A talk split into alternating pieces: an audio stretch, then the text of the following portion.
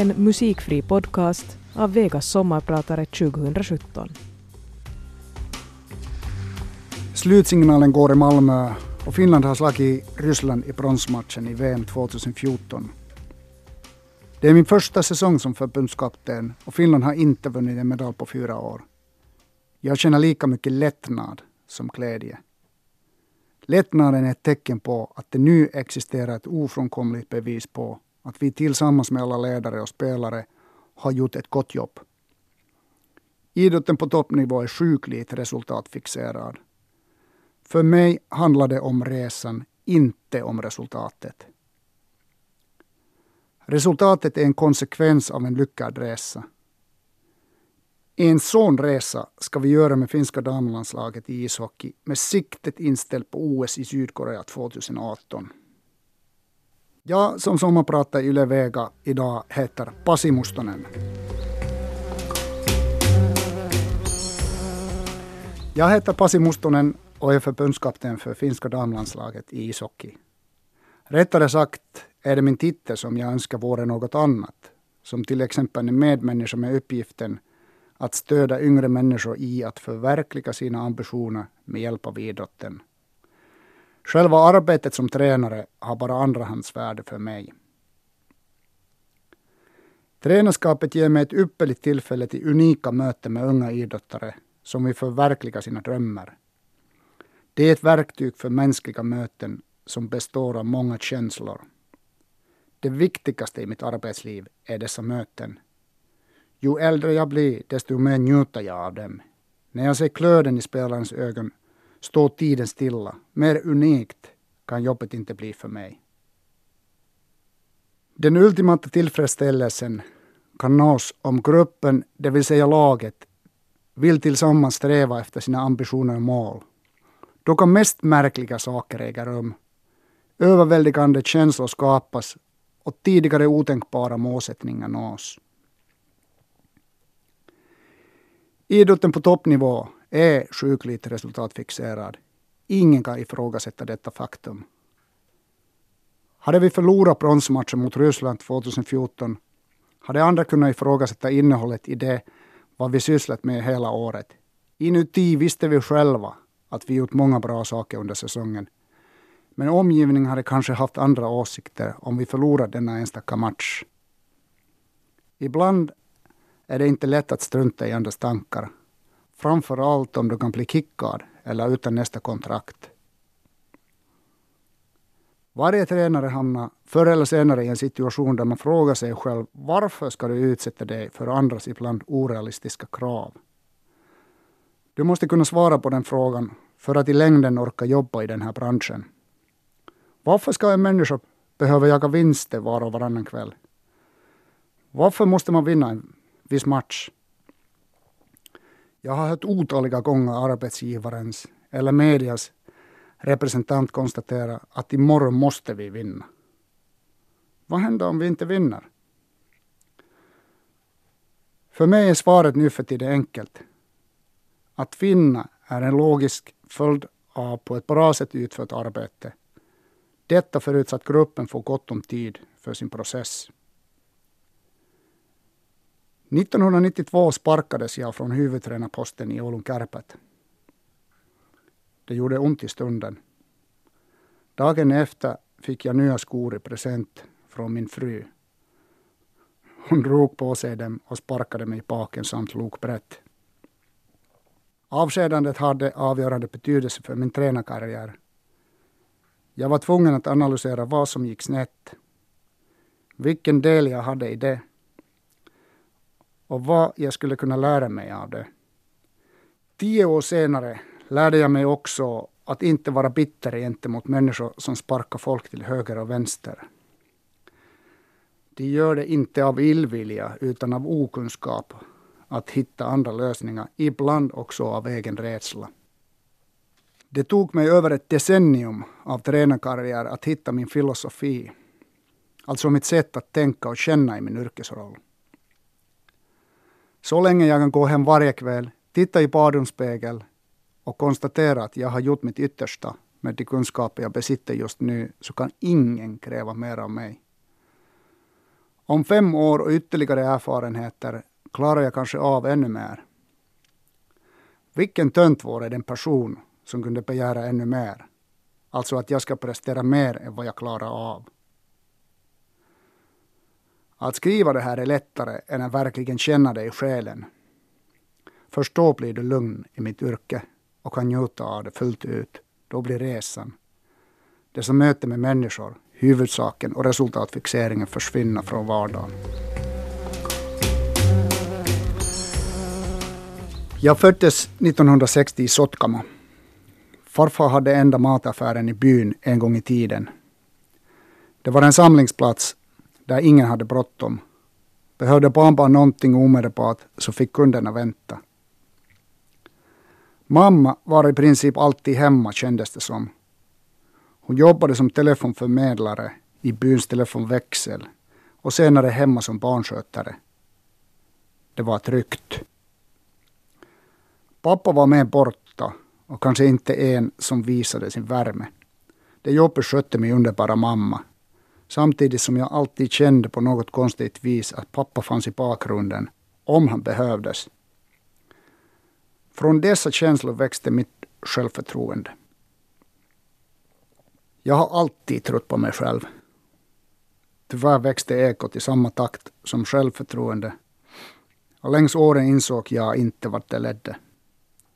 Jag skulle alltid veta, kunde inte lyssna. Och trodde att jag visste bäst. Det fick mina närmaste lida av mest, framförallt min underbara hustru Johanna. Sanningen kom ikapp och till slut var jag tvungen att ta en titt på mig själv. Jag gick på samtalsterapi i nästan ett år. Först efteråt har jag insett hur egot jämt viskade i örat att du vet bäst, utan att jag kunde lyssna till vad andra egentligen sa och hur de tänkte. Det fanns bara jag och mina behov. Det smärtar i efterhand.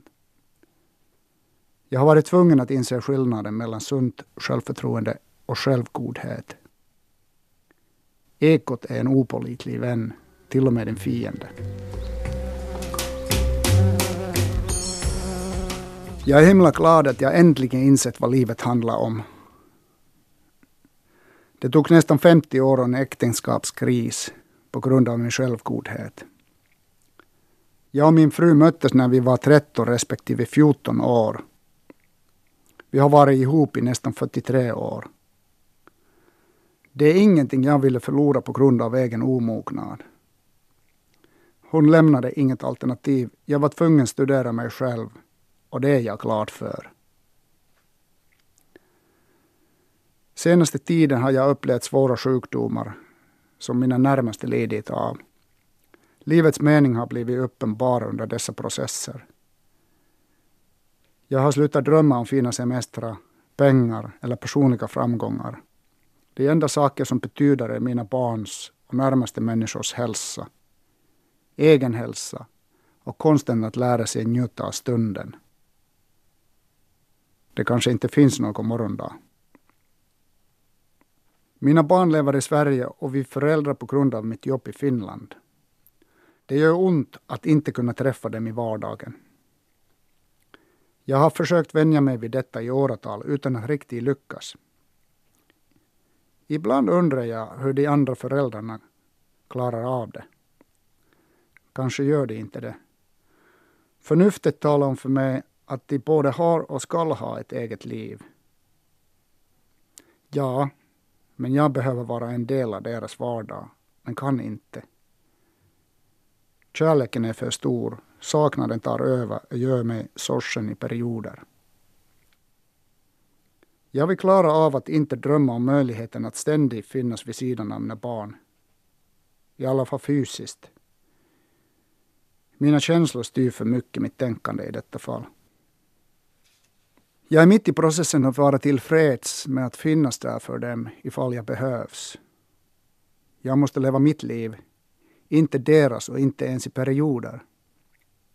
Våra liv ska korsas, men inte enas. Det handlar om relationen vi tidigare byggt med våra barn. Det handlar om förmågan att kunna lita på att man gjort sitt bästa.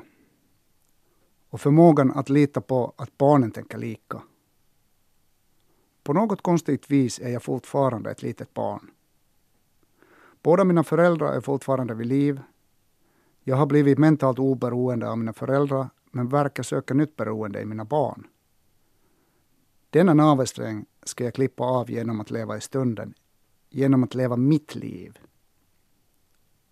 och finnas där för dem ifall jag behövs.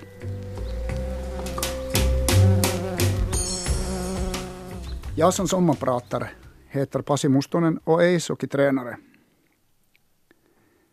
Ibland skakas tankegångar av vansinniga händelser. Det får mig tvivla på tillvarons mening. En vacker sommarkväll för cirka tio år sedan fick jag ett telefonsamtal av min bästa vän i Sverige, där jag då bodde. Han sa, jag är på väg i min bil till min systers hus. Jag blev uppringd av polisen. Det enda jag vet är att det finns döda kroppar i min systers källare. Polisen sa det också att det är ingen fara med min syster, men att jag bör omedelbart åka ner till henne. Jag har två och en halv timme kvar att åka. Min första tanke kommer jag exakt ihåg. Jag trodde att jag är med i en film innan jag insåg att det är verklighet. Efter vi avslutade samtalet slog jag instinktivt på tvn. På nyhetssändningen berättades det om ett eventuellt mordfall i den stan dit min kompis var på väg. Det visade sig att hans systers son hade brutalt mördat sina två halvsyskon och deras pappa. Alla tre kroppar låg i källaren och var delvis svåra att känna igen. Min kompis hade en bra relation till denna pojke och kunde aldrig förstå hur allt detta var möjligt. Det visade sig att sonen inte var vid sina sinnesfulla bruk när han begick handlingen. Men hur kan man fortsätta leva livet som mamma i detta fall? Det fanns och fortfarande finns inga ord, bara mörker när jag tänker på denna händelse. Hur har det här påverkat mig som person? När något tråkigt händer så får det en att tänka på vad det är för mening med allt. Vad är det som är viktigt? Kan man av sådana här händelser hämta styrka? Är det naivt att tänka så? Att vi inte har krig? Kan man njuta av det? Att det är en styrka att leva i nuet och kunna njuta av det. Det här har satt mina bekymmer i perspektiv när jag på nära håll fått följa en sån tragisk händelse. Jag behövde kanske den här händelsen för att inse att livet händer nu och inte om tio år. I början på 2000-talet satt jag på ett flygplan och hörde mannen bakom mig konstatera till sin kompis att Hör du, livet är människans bästa tid. På något konstigt sätt fick den här självklarheten mig att fundera detta på djupet. Det blev någon slags slogan för mig. Men livet har visat hur oerhört svårt det är att förverkliga den tanken och leva efter det. Berättelsen om min svenska vän är ett bra exempel på den meningslöshet som vi ibland drabbas av i livet. Alla vansinniga krig är en annan. Dessa stunder kan jag bara tänka tillbaks på mina närmaste. Det är min uppgift att ta hand om mina barn och min livskamrat, finnas där för dem och samtidigt försöka leva livet i nuet. För mig är tävlingsidrott på hög nivå känslor och som bekant kvinnor är vana vid att visa dem. Det gör jobbet med elitidrottande kvinnor mycket mer berikande än samma uppgifter med män. Kommunikation får en större roll. Den måste vara brutalt ärlig och rak, dock presenterad på ett oerhört konstruktivt sätt. Det får göra ont så länge du är ärlig, du blir respekterad för detta. Förtroendet mellan dig och idrottare växer och utvecklingen tar sats. Det är exakt vad kärnan i coachningen och tränarskapet handlar om. Att skapa förtroende och växa tillsammans både som idrottare såväl som människa. Det är väldigt givande och en ära för mig att få jobba med damer. Jag får feedback direkt om jag frågar efter det förutsatt jag lyckats skapa fungerande coach-idrottare-relation. Med killar får du höra om tre år på valborgsdagen på torget att hej, du var rätt okej okay, faktiskt. Det svåra med kvinnor är de gamla saker som hänt länge sedan och fortfarande påverkar dagens situation. Deras värld är så mycket mer komplicerad än mäns verklighet. Ibland tycker jag synd om kvinnor i det här avseendet. Det blir många onödiga konflikter som aldrig klaras av.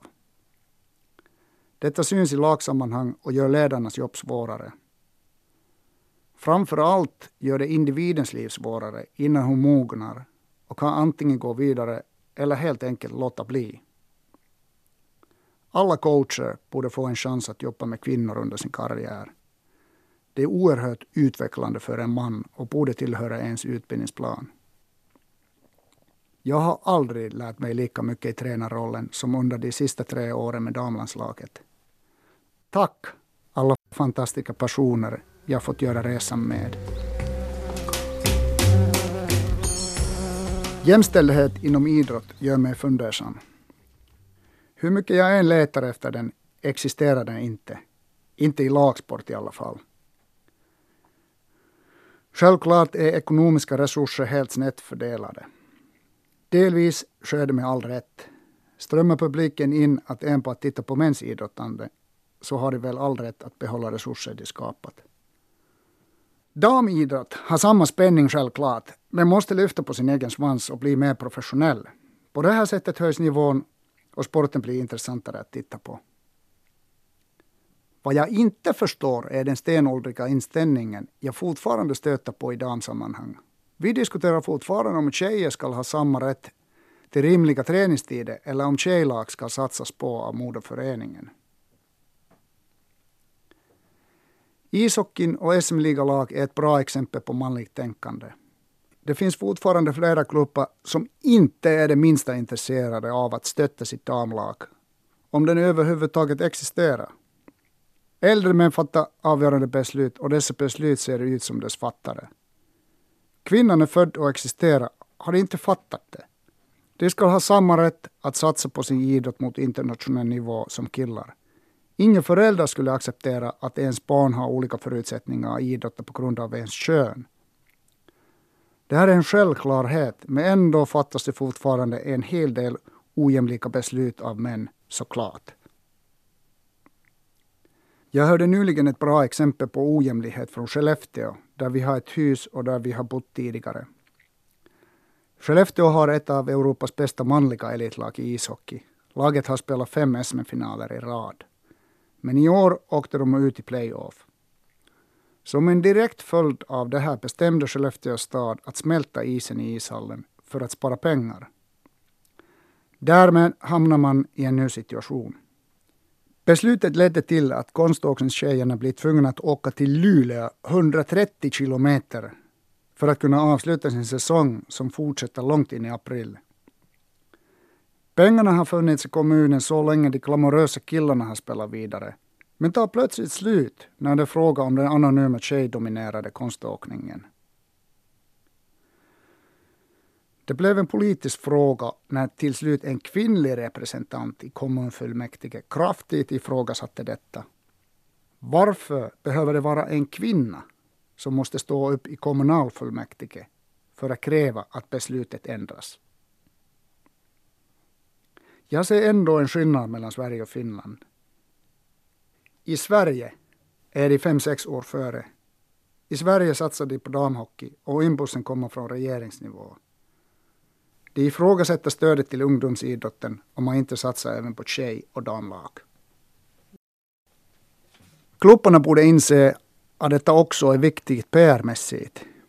I Luleå i Sverige drömmer föreningen om dubbla SM-guld, vara bäst samma år både damer och män. Jag är glad att finska ishockeyförbundet står för ett omfattande program för finska damlandslaget och deras satsning. Dock måste vår personal också titta i spegeln och granska sig själva och sin egen inställning. Jag har själv påpekat det här på vårt personalmöte med följande ord. Det börjar här inne bland vår personal, oss själva. Här sitter det folk som inte bryr sig om damhockey. När vi ändrar vår inställning först, då kan vi förvänta oss att omgivningen ändrar sin inställning. Men det har skett en förändring och sker hela tiden. Så är det inom många idrottsgrenar, så det finns hopp. Bra grejer händer inom ishockeyförbundet. Positivt är att Helsingfors IFK har börjat satsa och likadant gör Lukko från Rauma. Kärpät i Uleåborg har redan en bra damverksamhet och Esbo United har börjat skapa bättre förutsättningar för sitt damlag. Dock det finns många föreningar i olika sporter som inte bryr sig ett skit. Men det kommer. Nu ser jag och laget fram emot finska damhockeyns största mål. OS i Sydkorea 2018. Chansen finns en gång på fyra år, så bara det gör det hajpat. Och vi kommer att ha en möjlighet att ta en medalj. Finska medaljutsikterna är begränsade, vilket gör att det kommer att bli relativt stort fokus på oss. Vägen mot OS är alltid krokig på ett eller annat sätt. Nu är det 184 dagar kvar till öppningsceremonin. 38 spelare är kvar i truppen att kämpa om 23 platser. Vi hade precis avslutat ett tio dagar långt träningsläger som innehöll ett och annat intressant. Spelarna tillbringade ett par dagar i skogen i Nurmes och bland annat vadade i iskallt vatten upp i armhålorna när utetemperaturen låg på plus fem grader. Det tar på mentala krafter när man är trött och inte befinner sig i sin bekvämlighetszon. Kärnfrågan under hela träningslägret var hur väljer jag att reagera i olika situationer? I pressade situationer gör var och en ett val. Hur reagerar jag när jag inte vet vad som händer på eftermiddagen när dagsprogrammet är uppgjort bara till klockan 13? Eller när programmet ändras plötsligt mitt på dagen och du har 45 minuter tid att duscha, tömma rummet och äta lunch. Du har ingen aning vart du är på väg. Telefonen plockas bort och du har inte tillgång till sociala medier. Hur reagerar du då? Hur påverkar din reaktion de andra spelarna och laget? Ta till exempel en situation då du spelar sudden death, alltså när ordinarie speltiden har slutat oavgjort. Då förlängs speltiden och den som gör första målet vinner. Tänk nu om situationen är den här i OS. Finland har aldrig varit final i OS och om situationen blir sudden death och Finland gör första målet så har vi nått finalen och då skulle vi skriva historia, utropstecken.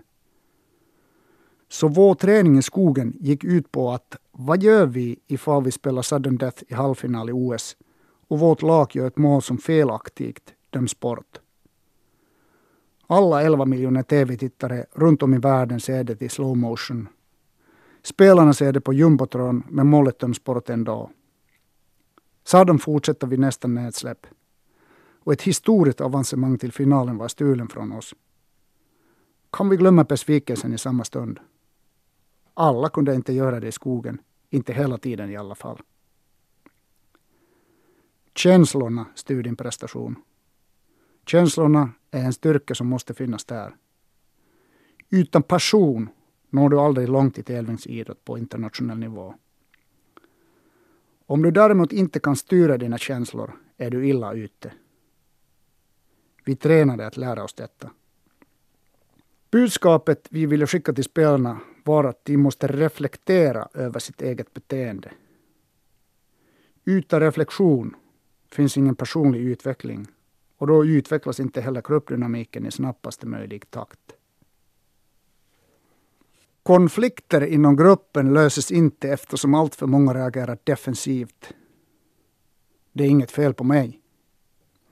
Detta handlar inte om mig, utan om dem. Jag har ingen del i denna kris. Allt detta är lika med att gruppen kommer ingenstans. Denna insikt försökte vi lära oss.